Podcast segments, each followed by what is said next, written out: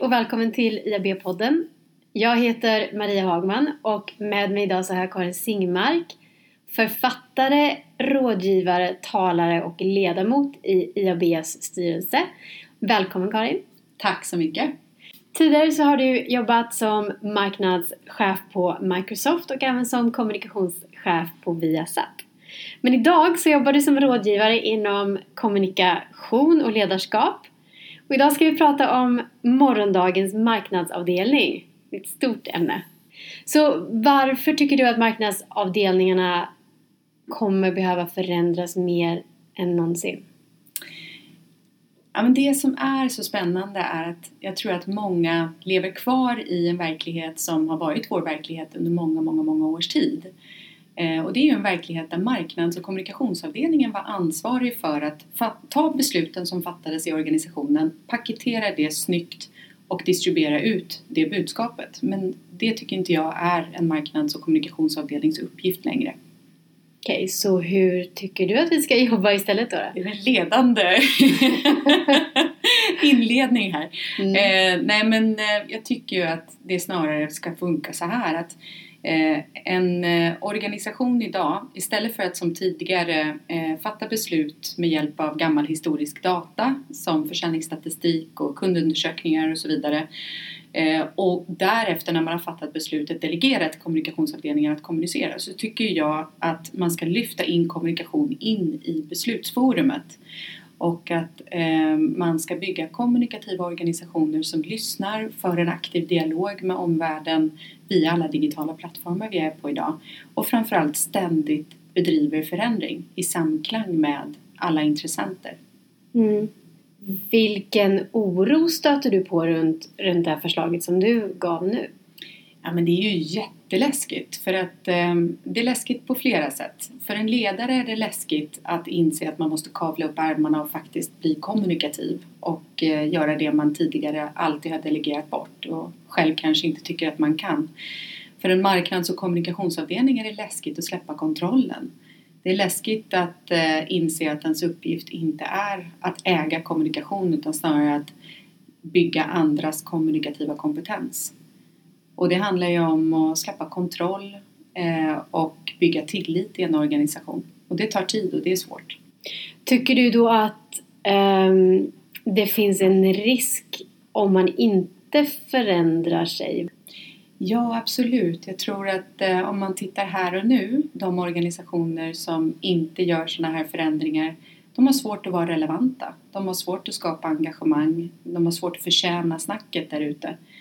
Um, kan du ge exempel på, utan att behöva nämna ett företagsnamn, kan du ge exempel på, på ett företag som, som har hamnat i den situationen? Ja, jag kan eh, se flera organisationer som kanske på ett teoretiskt plan har förstått den här förändringen men på ett taktiskt och i praktiken jobbar så som man alltid har gjort. Ehm, och då kan det vara att man använder ehm, engagerande budskap i traditionella reklamkampanjer. Men sen när man faktiskt kommer i kontakt med organisationen i fråga så märker man att det här inte är någonting som genomsyrar organisationen. Det här är mm. ingenting som medarbetarna brinner för som jag känner när jag pratar med kundtjänst eller butikspersonalen eller vad det är. Och då förstår man att det här är någonting som marknadsorganisationen fortfarande äger och driver. Mm.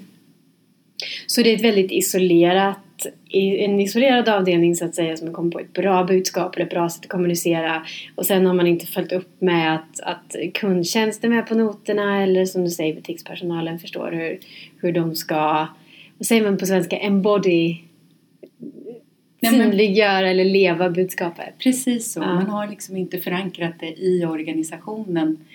Eh, och troligtvis är det så att det ägs fortfarande av marknad och kommunikationsavdelningen. Mm. Så det är ju liksom på kort sikt. På längre sikt så ser man ju att organisationer helt enkelt blir omsprungna av konkurrenter.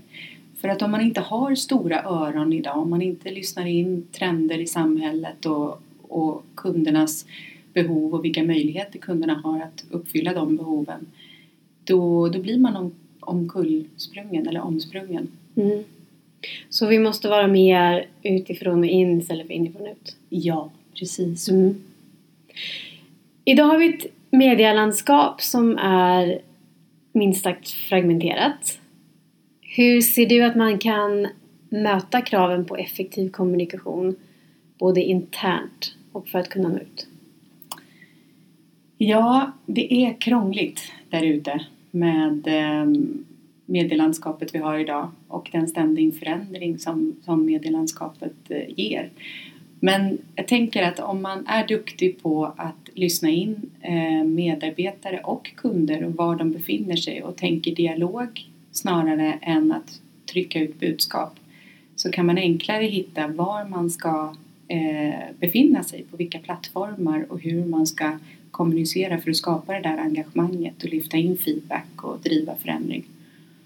Så bara för att vi har ett fragmenterat medielandskap behöver det ju inte betyda att vi ska vara överallt. Ehm, utan det där måste man hitta baserat på vilka förutsättningar man har, vilka kunder man har och så vidare.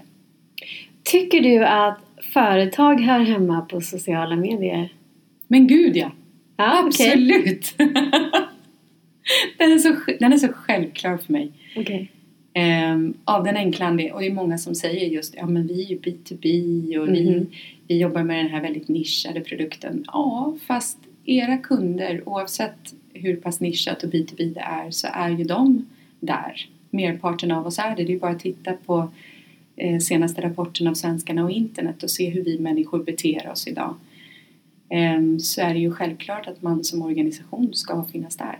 Så fast att man är B2B så finns det, ett, så finns det fördelar med att man annonserar på Facebook eller man försöker skapa eh, interaktioner på Facebook med, med sina följare? Ja, absolut. Mm.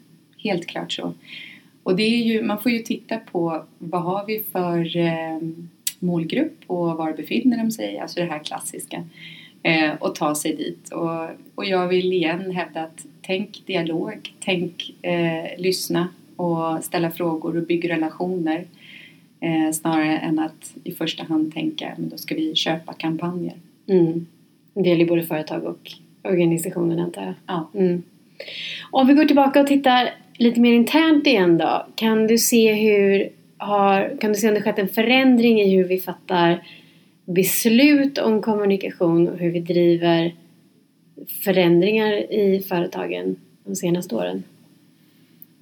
Jag ser ju exempel på organisationer eh, som är otroligt duktiga på att eh, eh vara kommunikativa och skapa engagemang och därmed fatta beslut som ligger rätt i tiden. Jag brukar alltid exemplifiera med Max Hamburgare. Jag tycker de är så otroligt duktiga på att vara snabba på eh, trender egentligen. Vara väldigt nära sina kunder. Mm. Bara den där omflådan de gjorde för ett tag sedan när kunderna, kunderna gjorde ett upprop eh, för de ville ha en omflåda, så kebablåda med omf istället för kött. Mm.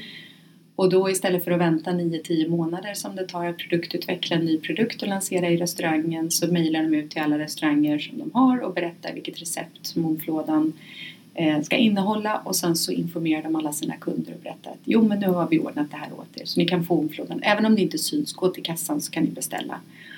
Och nu så har de ju klimatkompenserat alla sina restauranger mm. ehm, och det, de de har ju faktiskt en VD som driver ett Instagramkonto som heter Burgerspotting eh, som inte gör det genom en marknadskommunikationsavdelning så det är inte liksom stora kampanjer och piffade eh, börjare på det kontot utan det är hans eget sätt att liksom eh, hålla, hålla koll på vad som sker och mm. hålla en dialog med sina följare, bygga relationer. Jag tycker det är ursnyggt. Mm.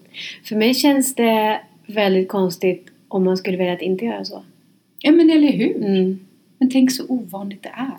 Mm. När jag skrev den här boken så letade jag efter kommunikativa ledare som fattade digitala i Sverige och det är så ovanligt. Det finns massa bra exempel utanför Sverige. Till exempel John Legere som är VD på T-Mobile i USA som kör Slow Cooker Sunday, en livesändning på Facebook hemma mm. i sitt kök på söndagskvällar. Okay. Mm. Och så snackar han telekombranschen och produktutveckling och, och han engagerar ju alla sina medarbetare, han engagerar sina kunder, han engagerar sina konkurrenter i de här eh, dragningarna han kör. Och varför finns inte det i Sverige då? Vad, vad, är, det som, vad är de rädda för? Jag tror att vi, dels har vi rekryterat människor som är grymma på massa olika saker men som inte har kanske det kommunikativa på plats alltid. Skrämmande nog. Eh, men sen har vi också en stor del ledare som är duktiga kommunikativt men de är duktiga på månadsmötet. De är duktiga på att stå på scen eller eh, kommunicera på det traditionella sättet. Mm. Men som inte förstår det digitala. Och jag tror att det handlar om en rädsla och en oro. Att det, att det ska bli fel. Mm. Det är därför man inte vågar testa. Och sen kanske man inte förstår möjligheterna, fördelarna med att göra det. Eller så kanske det är svårt att kombinera en personlighet som är bra på det ena som samtidigt är bra på statistik och månadsmöten. Så kan det vara. Precis så kan det vara, absolut. Och det, och det är väl galet på något sätt. För att eh, jag hävdar att ledarens uppgift idag är ju inte att prognostisera resultatet. Eh, för i den omvärld vi lever i idag så har vi mycket osäkerhet och frågetecken. Och ledarens uppgift idag är snarare att facilitera förändring. Att få alla att känna sig trygga och eh, taggade på en förändringsresa. Mm. Och då krävs ju den här kommunikativa kompetensen. Så eh, jag hoppas vi ser ett skifte. Mm. Absolut, men var ska det skiftet börja? Ska det börja i, i toppen eller ska det börja för de som vill bli chefer att de har ett helt annat sätt att förhålla sig till en, en, en liksom ett steg i karriären?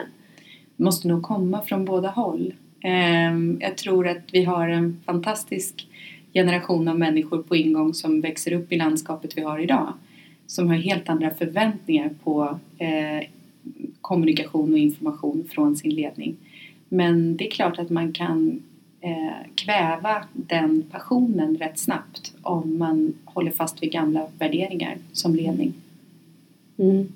Du har tidigare sagt att kommunikationsavdelningarnas uppgift blir att decentralisera kommunikationen i, i företaget för att, för att bygga de här företagen som är rustade för framtiden. Ehm, hur kan man samtidigt kvalitetssäkra det här? Det här är ju spännande. Och det är en jättestor fråga också antar jag. Ja. Vi kan börja ja. plocka i den. Nej men jag tror ju inte att man kan det. Jag tror att vi måste släppa kontrollen. Vi måste släppa förväntningarna på det perfekta. Mm.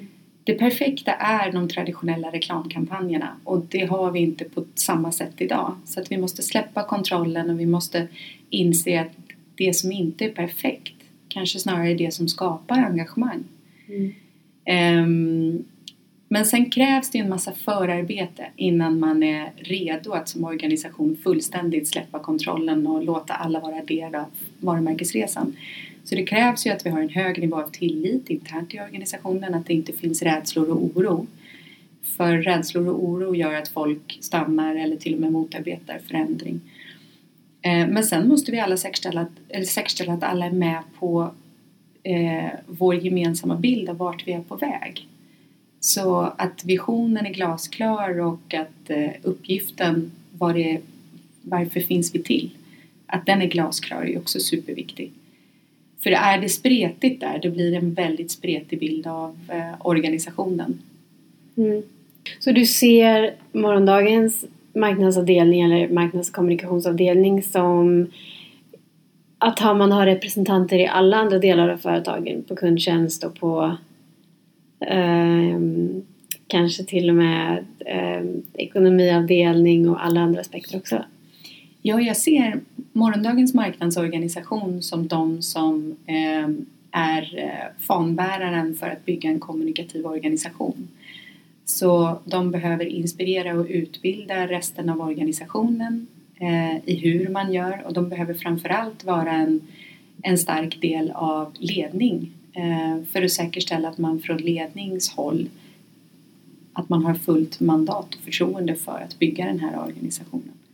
Om man vill då bli del av den här nya, nya slags organisationen, vad tror du är de viktigaste kunskaperna man kan ta med sig? Alltså hur ska man vara som person eller vad, vad är det man bör satsa på att bli ännu starkare i för att kunna passa in och kunna hjälpa till att driva den här förändringen? Jag tror att kommunikativ kompetens är grundläggande.